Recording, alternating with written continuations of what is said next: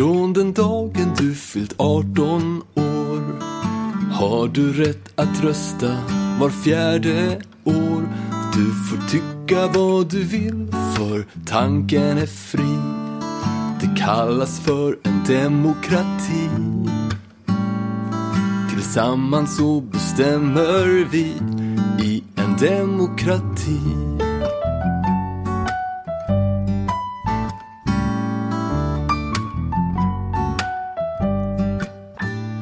Lyssnar på Blom Olsson Perspektivpodden med Pelle Blom och Jeanette Olsson.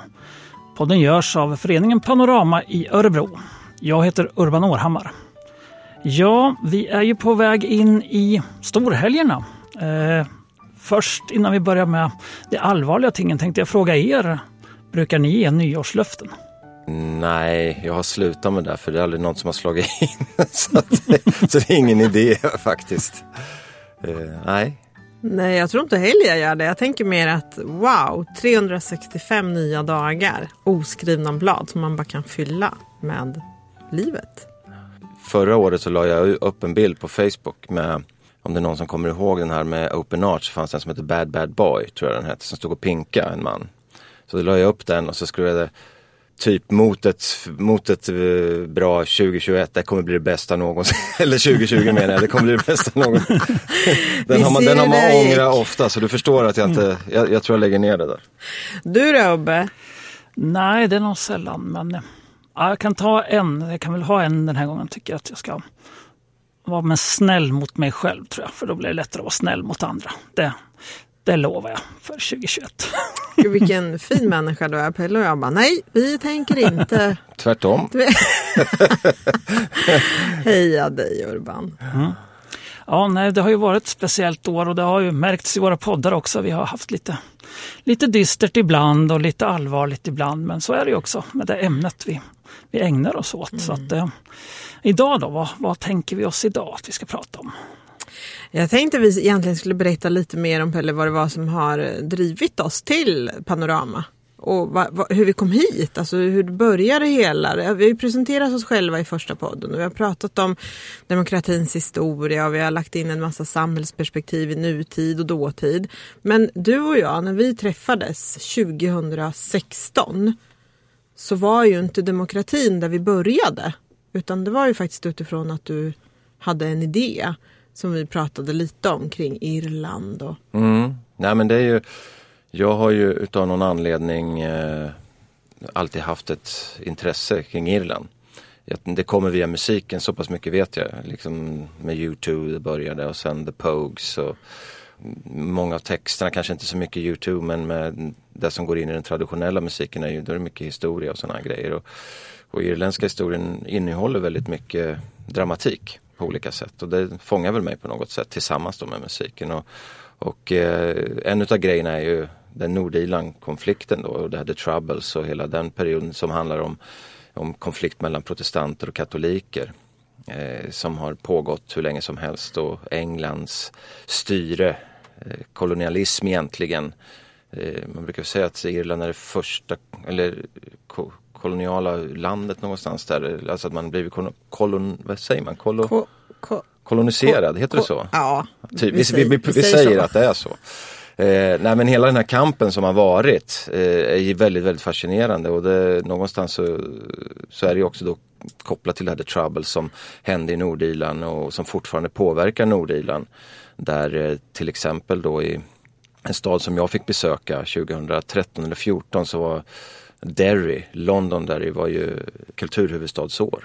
Eh, blev de, eller de, de, blev utvalda till kulturhuvudstad och eh, de blev jag ditbjuden för att åka dit och kolla på en massa olika saker och skriva om det och fotografera och sådär. Varför det, säger du Londonderry? Det är den juridiska, det är alltså protestanternas namn på staden. Det är det juridiska namnet. Derry är katolikerna som, det är deras, de säger bara Derry jag vill inte stå på någon sida i det här. Så då får man, jag säger oftast Derry, det kanske är också för att det kortar det med.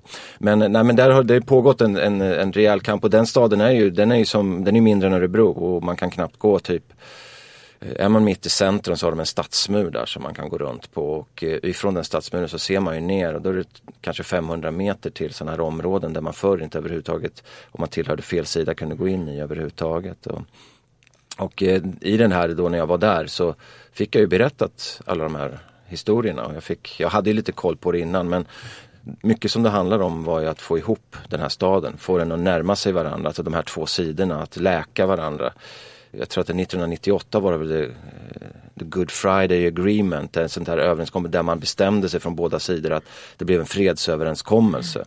Att nu ska vi bara se framåt, vi ska inte se bakåt till allt som har varit. Och det där var en process i det där också. Och då besökte jag framförallt då en teater som jobbade speciellt med de här frågorna.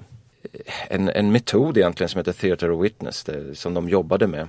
Eh, där det var gamla IRA-terrorister och poliser ifrån den andra sidan som aldrig hade träffat varandra tidigare och barn till de här familjerna någonstans där och de här skapade en teater tillsammans då, eh, som var väldigt, väldigt stark. Och eh, slutet på den där var ju liksom någonstans att människor som var typ någonstans i en annans ålder, 50 uppåt, som inte hade träffat den andra sidan någon gång i hela sitt liv i en stad som är mindre än Örebro. Liksom. Det, det är ganska intressant och eh, det där fastnade väldigt starkt i mig då och jag tänkte att det måste man kunna göra någon lokal variant av.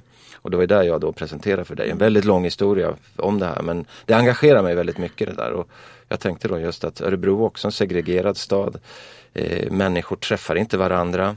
Eh, väldigt stora avstånd mellan eh, söder och norr eller typ väster och, och så. Så, att det är ju, eh, så där började en presentation och där satt ju du och lyssnade på det där. Och när du berättar det här för mig så, så fastnar jag otroligt för idén och det handlar ju jättemycket om att du och jag har ju väldigt olika perspektiv från olika samhällsklasser, olika samhällsdelar och så enas vi ändå i vissa delar som faktiskt har vuxit fram över tid. Men det som tilltalade mig när du berättade det här det var ju att vad häftigt egentligen om man kunde göra något sånt här i Örebro för vi har ju den problematiken här. Eh, nu pratar du protestanter och katoliker, där är det liksom inte ens någonting annat som skiljer än en trosuppfattning. Alltså de ser ju rätt så likadana mm. ut, alltså utseendemässigt. Mm. Så det är jättesvårt att veta och här i, tänker jag att vi lever i ett mångfaldssamhälle. Vi lever liksom i, med många kulturer i samma stad. Eh, och då skulle man ju kunna våga prova det här med. Och det handlar ju inte så mycket om att alla ska umgås och älska varandra och ha jättetrevligt. Utan att vi ska kunna leva i samma stad och faktiskt vara olika och det är okej. Okay. Det tycker jag är jätteviktigt att du säger för det är där ofta, ofta tror jag, det här, är, det här är bara vad jag tror, att folk i allmänhet tror att när man börjar prata om de här sakerna med integration och sånt där, det är att man, man ska plötsligt ändra sina egna vanor och börja börja käka saker som man aldrig har käkat tidigare eller ge sig in i en kultur som man inte har varit bara för att liksom. Att man eh, ska börja umgås med folk bara för att. Nej men det är inte det som är grejen. Det är att man ska leva vid, man ska kunna leva i samma stad och respektera varandra så länge man, man respekterar lagar och, och alla de bitarna naturligtvis. Det är grunden för alltihopa då. Men, men eh, de, den, den tanken är ju jätteviktig och stark mm. liksom. Att eh, ja, bredvid varandra och respektera varandra. Och utifrån den tanken som vi hade och möttes i där så har ju vi jobbat rätt intensivt med att se hur skulle vi kunna förverkliga vad är det som ligger till grund för det och då landar vi ju i demokratin. Att titta liksom på hur styrs en stad, ett, en stat, ett land och, och då fastnar ju vi för demokratin som är folkstyre som vi pratar alldeles för lite om. Och därifrån växte ju egentligen idén till att vara där vi är idag. Så från att du har varit på Irland, haft liksom perspektiv på ett annat sätt, att, att människor ska kunna mötas till att presentera det, till att du och jag träffades och helt plötsligt så står vi här och pratar demokrati och tror att nu kanske vi kan förändra någonting eller öka kunskapen, medvetenheten om det här.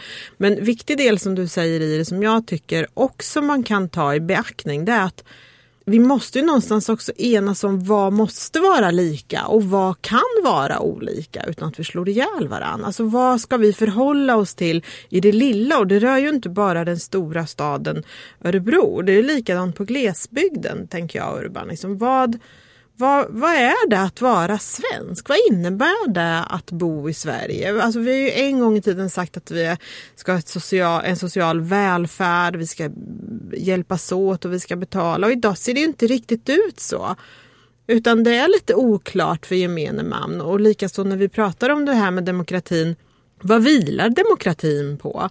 Pratar vi ofta om de mänskliga rättigheterna? Pratar vi om grundlagarna? Och vad betyder de i vardagen för oss? Och vad av det kan vi tycka vara, ja men så här vill vi ha det. Vi pratar om de globala målen och Agenda 2030. Men hur blir det om vi gör dem lokala så att de blir glokala?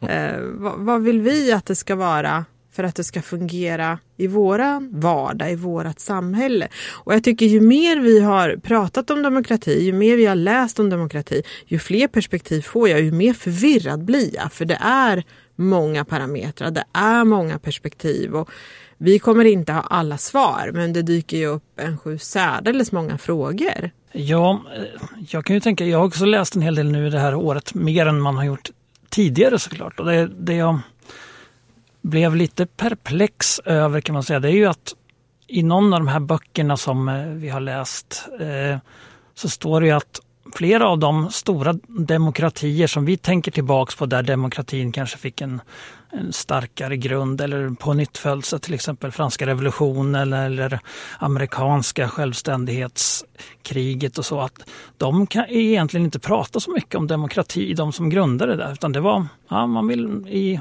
de amerikanska eh, de här grundlagsfäderna som bildade konstitutionen med, som ändå har väldigt mycket av mänskliga rättigheter och så, men demokrati var inte riktigt där. Och franska revolutionen likaså, det där med folkstyre, att det var folket som skulle styra. Nej, det var ju faktiskt inte riktigt så de tänkte sig när de väl hade formerat sig, utan det var, även där var det ju som de gamla grekerna, en elit som fick fick komma till makten. Och det är ju lite så kanske med Amerika och de här elektorsystemet att man väljer någon som väljer någon annan. Mm. Och då, ja, då silas väldigt många bort. Det blir en ganska likartad styre. Mm. Och det, ja, det var en tankeväckande läsning faktiskt. Och jag tänker också demokratin, om man, alltså demokratin utvecklas ju hela tiden. Om man tänker tillbaka på när vi började prata i podden om Platon och Sokrates och man rustade med, med små blad och, och la i en kruka till att också, alla var ju liksom, hade ju inte rättighet att rösta. Och det pågår ju fortfarande just den delen. Även om vi pratar om demokrati och det folkstyre så har ju inte alla varit folk som har fått rösta. Utan det har varit vissa kategorier och då tänker jag också att demokratin är en process som ständigt utvecklas. Men den måste vila på någonting och utgå från någonting. Och e, en sån fråga som jag har ställt mig nu och som jag faktiskt inte vet svaret på, som jag hoppas att våra lyssnare kan hjälpa oss med. Det är vad händer om man bryter mot grundlagarna? Va, vad är det för straffskala på det? det och jag har inte hunnit kika på det, jag har bara tänkt tanken och det funderar jag på. Och, och när vi pratar om grundlagarna så skulle till exempel offentlighetsprincipen vara en sån sak. Om, om man begär ut handlingar till exempel och det kanske visar sig att alla handlingar är inte utlämnade för man har raderat. De har ju läst i tidningarna att så har det förekommit från olika myndigheter eller om eh, råd av sin arbetsgivare att inte prata med media. Det är också en del i yttrandefriheten. Alltså vad händer då? Vad är, vad är det för straffskalor på det? Vad, vad, vad händer? Det är jätteintressant tycker jag. Ja, nej, jag har inte heller någon aning om själva straffskalor och sånt där. Men det är klart att jag, jag tror att det är intressant att säga liksom att det, det sipprar fram saker hela tiden där man liksom där det är odemokratiska saker som alltså beslut eller uttalanden som dyker upp hela tiden. Och det är ju en kamp med demokrati och den är ju som ni båda säger nu, den är ju den är inte liksom en rak linje på något sätt och det, det, finns kanske inte något slut på det heller utan det är en ständig utveckling. Och, och det här med eliterna, det är klart att jag är helt övertygad om att, låt säga, alltså eliterna finns ju alltid med och styr någonstans i alla de här sammanhangen. Sen vilka eliterna är just vid det tillfället, det kan man ju alltid diskutera då, men det finns ju alltid några som är de som driver och är ledare någonstans. Så tittar man på många länder som kämpar för att få demokrati, mm som kanske till och med lyckas med någon typ av revolution och så tar sig fram till allmänna val och så gör, väljer de en ledare. Det går ju inte många år förrän samma folk som har suttit tidigare dyker upp fast de har satt på sig ny kostym och ny slips och, och, och försöker sudda ut allt de har varit med någonstans. Så att, det, är inte, det handlar ju om utbildning också. Jag menar, hur många är kapabla till att vara med och styra mm. på den högst upp på toppen? Men det, handlar, det är inte enkelt, det ska man komma ihåg också. Det är inte bara att ta över och börja styra ett land. Liksom. Det, är ju, det, det, är tuffa grejer så det är klart att någonstans måste man ju ha någon grund för att kunna stå på och komma upp på den. Sen ibland kan man ju undra om alla har det. Det är en annan sak mm. men, med tanke på vad som sägs och vilka beslut som tas. Men, men det är klart att, och det är väl den också som diskuteras lite om det stämmer eller inte eller om det bara är sådana här eh, vad ska man säga, att man försöker eh, misskreditera. Men ibland säger man att det, den nutidens politiker är ju mer karriärist. Alltså man kommer in och sen så vill, ser man liksom en väg att ta sig fram någonstans och sen man, är man politiker några år och så hoppar man av och så hoppar man in på en, på en, eh, någon typ av businessvariant någonstans det känns ju som att förr så gick man, då började man med de här eh, parti, poli, alltså grund, eh, säger man? ideologierna. Man börjar jobba med ideologierna och hur, hur ett samhälle uppbyggt och, och så lärde man sig de här sak, stegen, hur det fungerar steg för steg. Och det är klart att då har man ju en grund grundkompetens någonstans i kroppen. Sen är det frågan om vad du gör med den naturligtvis, men du har den och så känner jag liksom när man tittar tillbaka på många gamla politiska ledare från när man själv var yngre och kanske inte brydde sig så mycket. Men det, men det känns som att de hade en helt annan grund i vad politik mm. och demokrati och samhällsbygge stod på någonstans det känns väldigt fluffigt och ytligt ibland tycker jag när man, när man tittar på hur politiken är idag. Och här, nu ska jag säga så här blir jag en väldigt gubbe och det här är bara en gubbe, gubbåsikt. Men jag har jättesvårt att se Alltså när man vet, vi lever i ett samhälle som är väldigt åldersfixerat på äldre. Att äldre försvinner väldigt snabbt ur, med kunskap och sådana här grejer. In, i, generellt i samhället. Och tittar man på politiken idag, jag har ju otroligt svårt att se att partiledare ska vara någonstans 30, 30 eller kanske inte 30, men 35 år och ska stå och tala om för hur saker och ting är i livet.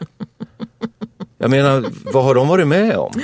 Och det är så roligt, jag kan tänka mig att jag tänkte när jag var i den åldern att jäkla gubbe här.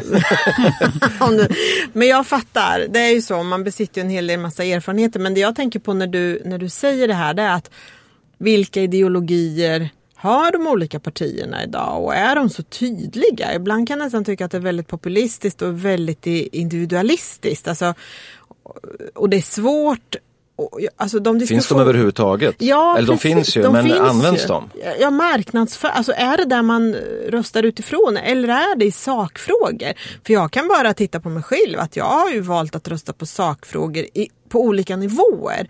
Beroende på om jag vill kommunen eller regionalt eller då i statsskick. Så att, och jag tror inte att jag är ensam om det.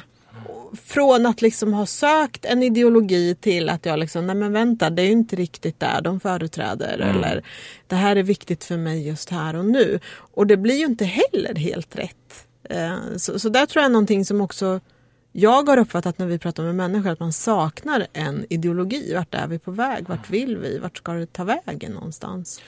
Det är svårt för politiker, det är inte lätt för politiker heller, det ska man säga, för vi lever ju i någon, i någon sorts kändisvärld där, där det handlar om att synas och höras mest och komma med punchlines för att få så mycket röster på kort tid som möjligt. Mm. Det är nästan ingen som det, det, finns ju nästan inget som det var förr när Socialdemokraterna hade fullständig kontroll på allting.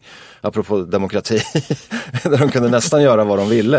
Eh, men det är så vissa brukar säga liksom, att då vart ändå saker gjorda och man kunde planera på en längre längre tid. Man kunde sätta upp att här, om tio år ska vi göra dem, alltså, mm. då ska vi nå fram hit. Och då är det även obekväma saker, mm. sånt som folk inte tycker om. Mm. Det är inget parti nu för tiden som kan komma ut och lägga fram ett förslag som ingen tycker om. Då är de ju borta på två mm. sekunder. Och då måste man ju lägga massa populära saker. Det som människorna, som engagerar människorna just nu någonstans där. Jag menar, så, så det är ju, alltså det här tycker jag är ett problem. Liksom. Det, det, är svårt att bygga men samtidigt vad är alternativet? Jag vet att när eh, under vissa delar av miljörörelsen här, men när det diskuterades, jag, jag pratade snabbt med en en före detta uppsatt miljöpartist här i stan. Liksom. De var ute på stan och pratade om just det här med miljöfrågor och sådär. Och då vet jag det var lite på tapeten just det här att miljön är så viktig och klimatet är så viktigt att här borde alla, all demokrati borde slås ur. Mm. För här, här måste vi ta ett gemensamt beslut för alla människor över hela jorden. Personen tyckte ju inte att det verkligen var så att, att man skulle göra det men lekte med tanken ändå att det kanske skulle kunna vara det som behövs. Och sådana tankar tror jag finns hos många i dagens läge. Pandemi, alla sådana här som vi pratade om förra programmet också. Att, att man någonstans, vad skönt det vore faktiskt att kunna ta ett sånt stort beslut som ingen jäk... Vi bara kör liksom någonstans. Och det är väl kanske det som är det nya just att i vissa saker så ska, ska det finnas en gemensam bas det här. Vad ska vi ha lika för att vårt samhälle ska fungera i stort? Eh, och sen faktiskt också bli i den lilla skalan kanske det ska se lite annorlunda ut. Så vi pratar både globalt och lokalt. Det är väl jätteklokt. Jag tror att det är jättesvårt att vara politiker och jag tror att det är jättesvårt eh, att vara tjänsteman. Det finns jättemycket saker alltså som, som ska, liksom, offentlig sektor tänker jag då på. För, men det som, men det som ändå jag tycker är viktigt och som man absolut aldrig får glömma det är att det är folket som röstar och att det faktiskt är för medborgarnas skull man sitter på sina positioner. Den ödmjukheten får man aldrig glömma och, och då pratar vi inte bara om företagare eller universitet, vi pratar om svenska folket. Men det där är också en intressant grej för nu är ju Sverige jag tror du Urban sa i något av våra program apropå hur många svenskar som röstar. I Sverige är vi, vi är ett bra land när det handlar om demokrati, alltså när man, att man tar sitt ansvar och går iväg och, och röstar. Det är många som gör det. Men om vi nu pratar demokrati i ett större perspektiv och kollar Europa och världen. Det är väldigt många länder där det är, liksom, det är knappt hälften av, ja, kanske hälften av befolkningen som går och röstar. Och vilka är det som röstar då? Då är det som du säger, då är det oftast eliten och då är vi tillbaka till det här andra. Liksom. Är det verkligen de som folket, vilka nu folket är, det kan man ju också diskutera, alla är ju folket. Men, men eh, ofta när man säger folket är det väl med, eller eh, arbetarklassen om, om man nu ska prata klasser och, och de fattigare och, och, den typen av är de med och påverkar? Vill de påverka? Blir de, blir de, blir de uppmärksammade på de här frågorna för att gå och påverka? Vill politikerna ha deras röster eller vill de ha elitens? Alltså det är ju det är intressant. Det kanske inte gäller riktigt Sverige än så länge men vem vet på sikt där också om, det, om man liksom tappar förtroendet för politiken och, och politikerna som det finns ett stort politikerförakt som faktiskt ligger och grubblar hela tiden men än så länge så i Sverige så tar man ju ändå och går iväg och röstar för att det är ganska enkelt. Man får det i sin brevlåda. Det, man behöver oftast inte gå mer än till närmaste skola och så kan man rösta där. Så det, man kan liksom bara svepa förbi och slänga in en lapp om man vill där. Liksom.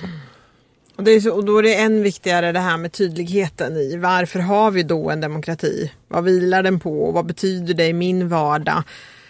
Eh, allt ifrån mänskliga rättighetsprincipen till grundlagarna. Jag tror att vi pratar alldeles för lite om det och då blir det så otroligt flummigt. Det är ju så vi har upp, upp, uppmärksammat det när vi har pratat med människor i olika konstellationer att det är luddigt och det är Många säger ju att ja, jag får ju gå och rösta var fjärde år. Jaha, men det innebär ju lite mer än det kanske så får man liksom beta ner sig i det. Ja, Många kanske tycker att det räcker med det. Jag röstar ju på politikerna. De ska genomföra det de har sagt. Och det är min, min uppgift att gå och rösta. Sen så deras jobb börjar när jag har röstat på dem och sen är det upp till dem. Och så lägger man alla äggen i den korgen liksom någonstans och hoppas att de ska göra det. Och, och det finns väl undersökningar som gör att ofta så genomför de väl rätt många av de grejerna de säger att de ska göra. Men det är klart, sen finns det en del en opposition som alltid pekar på det som inte genomförs. Och, och sen är det detta som har med demokrati att göra också med att det är många partier. Och man måste kompromissa. Det är ju som det vi har nu i Sverige är ju, är ju egentligen på sätt och vis en, en mardröm där det liksom är två stycken parter på som har som försöker komma överens om saker som ingen får igenom egentligen det, den viktigaste delarna kanske av det de egentligen vill, vill ha. Men båda får igenom saker som de vill ha ändå. Och eh, då blir det det här som någon sa till mig någon gång att ingen, i en demokrati så blir aldrig någon nöjd. Utan alla är missnöjda och det, eller snarare lite nöjda. Ja. Men mycket missnöjda och, och det är så det ska vara någonstans. Menade den personen då som pratar om demokrati på det sättet. Och det är också ett spännande sätt att se och det tror jag också är en, en eh, en del av eh, vår i Sverige utveckling kring att förstå vad, vad demokrati är. För vi har, det vet jag vi också varit inne på i ett annat program just det här att vi har varit så vana vid att det har varit väldigt statiskt vilka partier som finns. Eh, det har alltid varit samma men tittar man i många andra länder så byts det, kommer nya varianter och liksom, det finns så många partier som helst i vissa länder. Och det är ju lite kanske däråt vi är på väg. Liksom. Det, jag tror att det kommer brytas ut de närmaste tre, två valen, tre valen kanske som att kommer dyka upp helt nya eh, partier. Och några verkar ju vara på väg ut som det ser ut idag i alla fall. Så att det, det, det kan, vi, vi håller på att lära oss. Mm. Där blir det också, som du sa tidigare, att det blir ju svårare att hålla i de här ideologierna då när det hela tiden byts partier. Man kan inte gå den långa vägen som man har gjort, att man har börjat i ungdomsförbundet och man har jobbat sig upp. Man har jobbat kommunalt först och man har jobbat vidare och till slut så kommer man till riksdagen och kanske ministerpost om man är, är riktigt framgångsrik. Samtidigt har ju partierna också väldiga problem med att rekrytera folk. De har, många partier kan ju inte ens fylla sina platser i, i kom, inom kommunerna och andra Eh, parlamentariska ställen där vi liksom har röstat fram dem. Och det, det, det slår ju också såklart tillbaks mot partierna. Att går vi och röstar och förväntar oss att de ska förvalta det vi har röstat på och sen så finns det inte en person där då, utan att de försvinner. Om de då försvinner av, ja, det finns ju olika skäl då.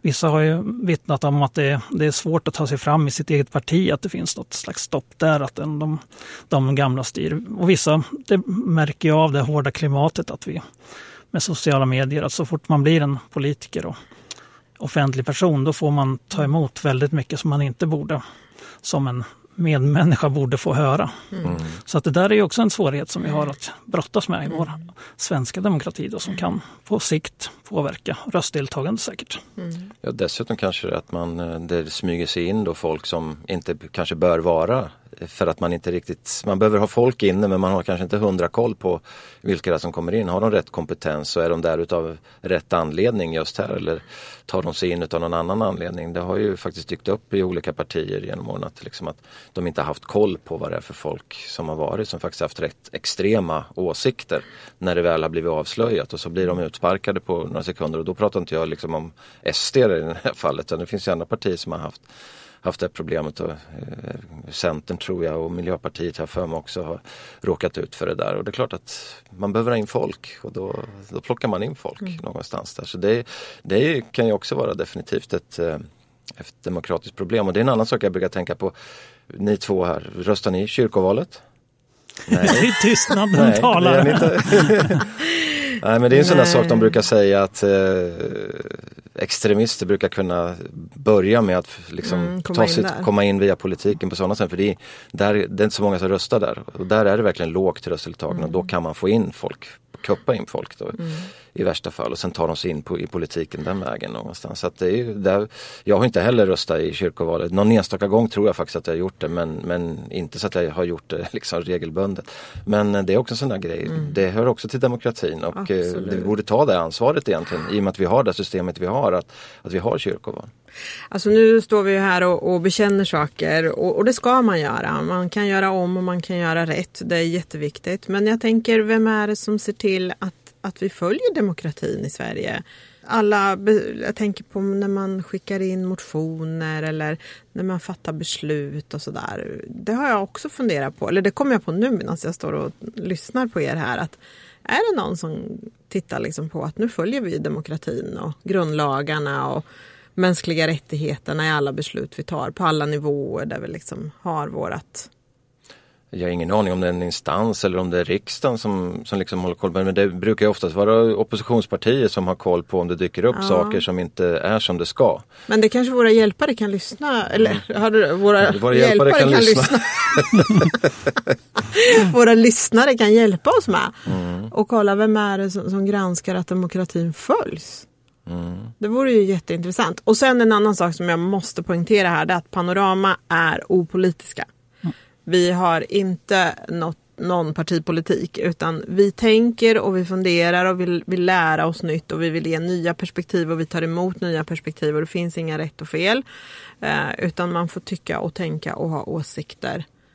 Mm, det är bara att lyssna på demokratisången eller som vi har. Där sjunger vi ja, man får, Tanken är fri. Tanken är fri. Liksom, tanken är fri. Att, och det är det som är just det som du säger, hur vi startar podden. Det är ju för att kunna prata så fritt som möjligt och, mm. och, och bolla lite grejer liksom med varandra för att se kanske testa varandra lite grann. Vi har inte riktigt gjort det. Vad är det här? Det här är, vi håller på att spela in sjätte programmet nu va, tror jag.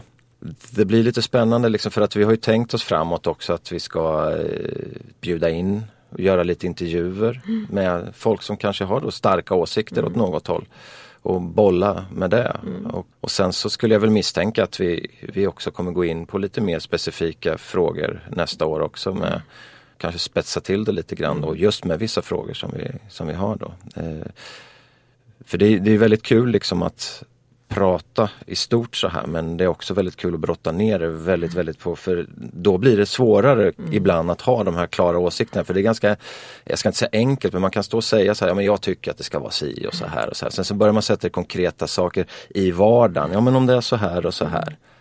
Tycker du det här är demokrati? Det här? Ja, då kanske det blir lite svårare för då kommer man in på familj, personliga saker och, och sådär. Så det, vi får se vart det tar vägen. Mm, och det är ju en del utav det som vi vill utveckla nästa år. Det är liksom just det här med podden och bjuda in gäster. Men icke att förglömma är ju faktiskt att vi vill tacka alla som har hört av sig med input och gett jättebra feedback till oss. Så tusen tack till er. Det har ju varit jättehärligt att få ta del av era perspektiv. Eh, och ta sig ett varv till och fundera och det, ni är välkomna att höra av er igen för det är jätteroligt för, för oss alla tre att få den här inputen. Men det vi tänker också nästa år det är ju faktiskt att nu öppnar vi upp för medlemmar. Nu kommer vi ju att ha, förutom podden så ska vi ha demokratimiddagar. Och vi tänker oss också att vi ska ha vad, vad tänkte vi oss? Eh, vi tänkte oss lite bokcirklar för att inte bara vi ska läsa utan ni också där ute ska få läsa. Så vi ska kunna diskutera frågor. Ja. Så var det! Toppen! Så vi, och, och det där får vi se hur det blir med tanke på pandemin och hur vi står. Så vi kan ju tänka oss att ha bokcirklar digitalt och kanske i mindre grupper. Då. Men det här kommer vi att skriva mer om på Facebook så att eh, man kan ta del av det och anmäla sig. Och, eh, och vi tänker att det liksom till att börja med är för våra medlemmar. Då. Och fram tills dess då, tills vi ska dra igång med aktiviteter och eh, podd så ska vi faktiskt fira jul. Urban, Ja, jag kommer ju att befinna mig på landet. Eh, en liten, liten, liten krets blir det väl. Men eh, ja, vi kommer väl att använda den här nya tekniken så att vi får vinka till våra nära och kära ja. också. Så att vi, vi gör lite mysigt ute i skogen och sen så ser vi när vi kan träffas, åka och träffa dem igen. Då. Så mm. Det blir så bra, tror jag. Ni då? Ja, det blir ju det blir inte så väldigt mycket annorlunda. Vi, vi är ju tyvärr en eh, ganska få. Alltså, tidigare var ju föräldrar och sådär men min mamma och pappa gick ju bort här för ett par år sedan, 2018 och Åsas, eh, min sambos pappa gick ju bort här nu i, i år i covid. Och, och, eh, så, att, eh, så det blir att jag och Åsa och eh, kanske hennes bror Eh, dyker upp. Men annars blir det nog bara vi faktiskt. Vi, min syster firar med sin son och sådär och de är ju lite fler så att vi är lite försiktiga med att eh, vi träffar inte dem så ofta och, så att vi har väl sagt att eh, de bor lite utanför stan så att vi, vi hoppar över det. Så att det, blir ganska lugnt. Och det är väl, det är ju, för att lägga in ett perspektiv just med det återigen, eller där vi håller på att prata om det faktiskt när jag var på väg hit så, så hörde jag på, på radion just att de spekulerar med hur det här faktiskt kan göra att många jultraditioner bryts. Mm. Alltså det är så många som sitter fast mm. i jultraditioner. Alla vill inte ha det så som det alltid har varit men det ingen vågar liksom tala om att den där elefanten är grymt stor som springer runt och, i, i rummet utan man bara rullar vidare år efter år efter år och då spekulerar de just i att i år är det faktiskt så kanske det med mat. Det är inte alla som äter den där julmaten mm. som alltid, de tycker inte det är gott. Men, men nu gör man någonting annat. Mm. Andra konstellationer och det är många som lever i dagens moderna samhälle med eh, man har barn och bonusbarn och man eh, kanske är inne på tredje förhållandet någonstans. Mm. Och det har varit bara stress att åka runt och träffa en massa. Nu, nu, nu får man faktiskt en, en ursäkt till att säga nej, du kan glömma, jag, vi vågar inte i år. Och så bryter man av det här. Mm. Och det kanske låter negativt men jag ser alltså det, om det nu skulle vara så, det kan ju vara positivt, mm. positiva effekter kring sådana här eh, tillfällen. Men det är klart, för vissa familjer kan det bli en sorg också mm. om folk inte dyker upp och självklart, många är ensamma. Så att, det finns ju två aspekter på det hela. Det är de som är ensamma och får lida av ensamheten och de som har lyxen av att kunna bryta de här mm. grejerna. Då. Vad vad fint Pelle, så där fin är ju inte jag. Jag har ju liksom bara mitt perspektiv då. Och jag älskar allt inför julen. Jag, jag är ju mer för allt inför än själva julen. Så det här med att baka innan och pyssla och det gillar ju jag. Sen har ju jag då eh, min familj och även Staffans sida då som människor som jag verkligen tycker om och som jag gärna vill träffa och sådär. Då ska vi ha 13 dags kaffe utomhus tända en liten brasa, alla tar med sig knytis och så. Vi får väl liksom hålla avstånd, vi får tänka liksom på tvätta händerna och så. Och det är inte så att vi är hundra, det är inte det jag pratar om, utan vi kanske blir fem, sex, tio max. Men vi ska hålla till utomhus då.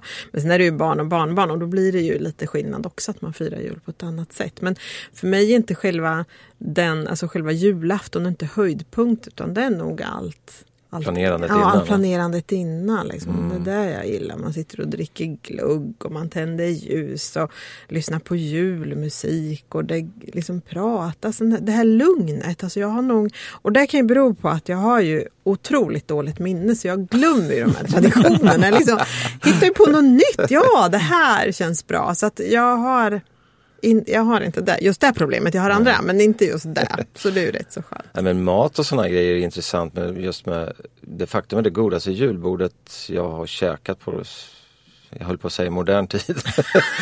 Det tyder på gammal ja, hur gammal man är. Nej, men det var faktiskt ett jag hade med när jag jobbade med tv uppe i, jag tror det var Berns på Stockholm, hade en sån här asiatisk julbord och med andra smaker och det var Mm. grymt julbord. Det var så jäkla gott.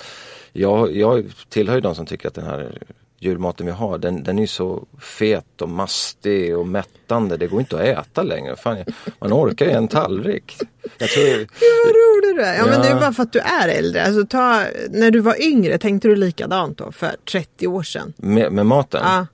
Jag, jag har ju aldrig varit för, alltså det, det jag har gillat, eh, som jag inte äter så mycket nu, det är ju liksom här prinskorvar och såna här grejer och skinka och det, var vi inne på ett annat program. Jag äter ju inte det knappt längre. Eh, men köttbullar, där är ju, vi har ju älg, älgköttbullar då som, vi, som vi gör och det är ju jättegott. Men Annars så, ja, det finns några saker, så här, omelett, eh, champinjonomelett vet jag vi hade i vår familj och, och Janssons förstås. Så det finns, säg att det finns fyra, fem saker som jag tycker är värt för min del att bevara.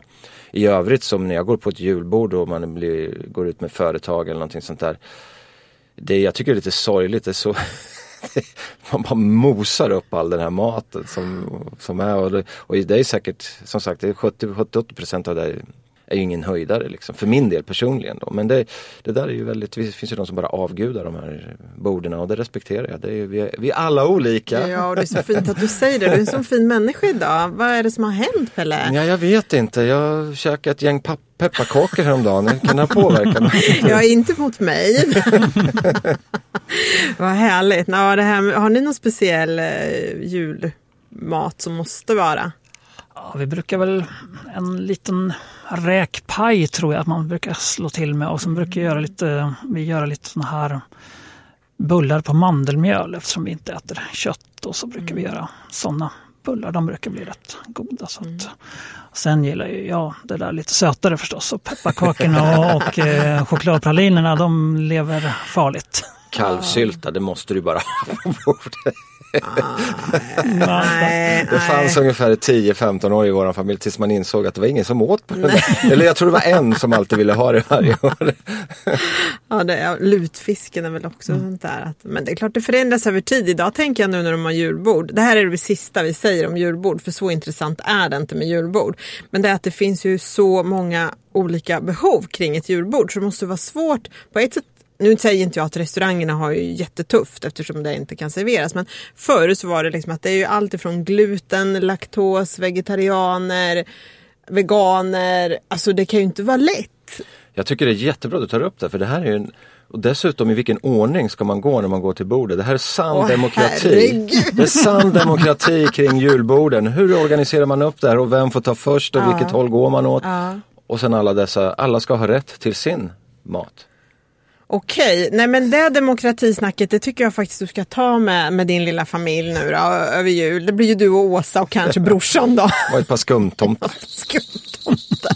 Ja, det är väl du som är det. Hörde ni, vi önskar er alla från oss alla en god jul Mm. och ett riktigt gott nytt år.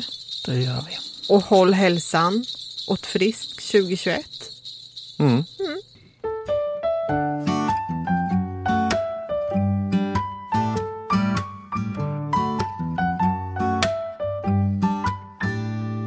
Ni har lyssnat på Blom Olsson Perspektivpodden med Pelle Blom och Jeanette Olsson. Jag heter Urban Århammar, ordförande i föreningen Panorama som gör podden. Vi vill också tacka väldigt mycket till vår eminente ljudtekniker Thomas T.K. Karlsson som har hjälpt oss hela hösten här. Och ett stort tack vill vi också rikta till Tobias Svärd som låtit oss använda hans musik till vignetten.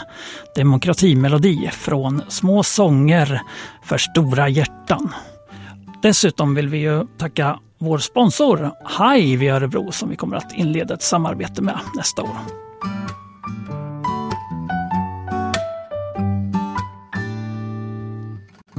Från den dagen du fyllt 18 år har du rätt att rösta var fjärde år.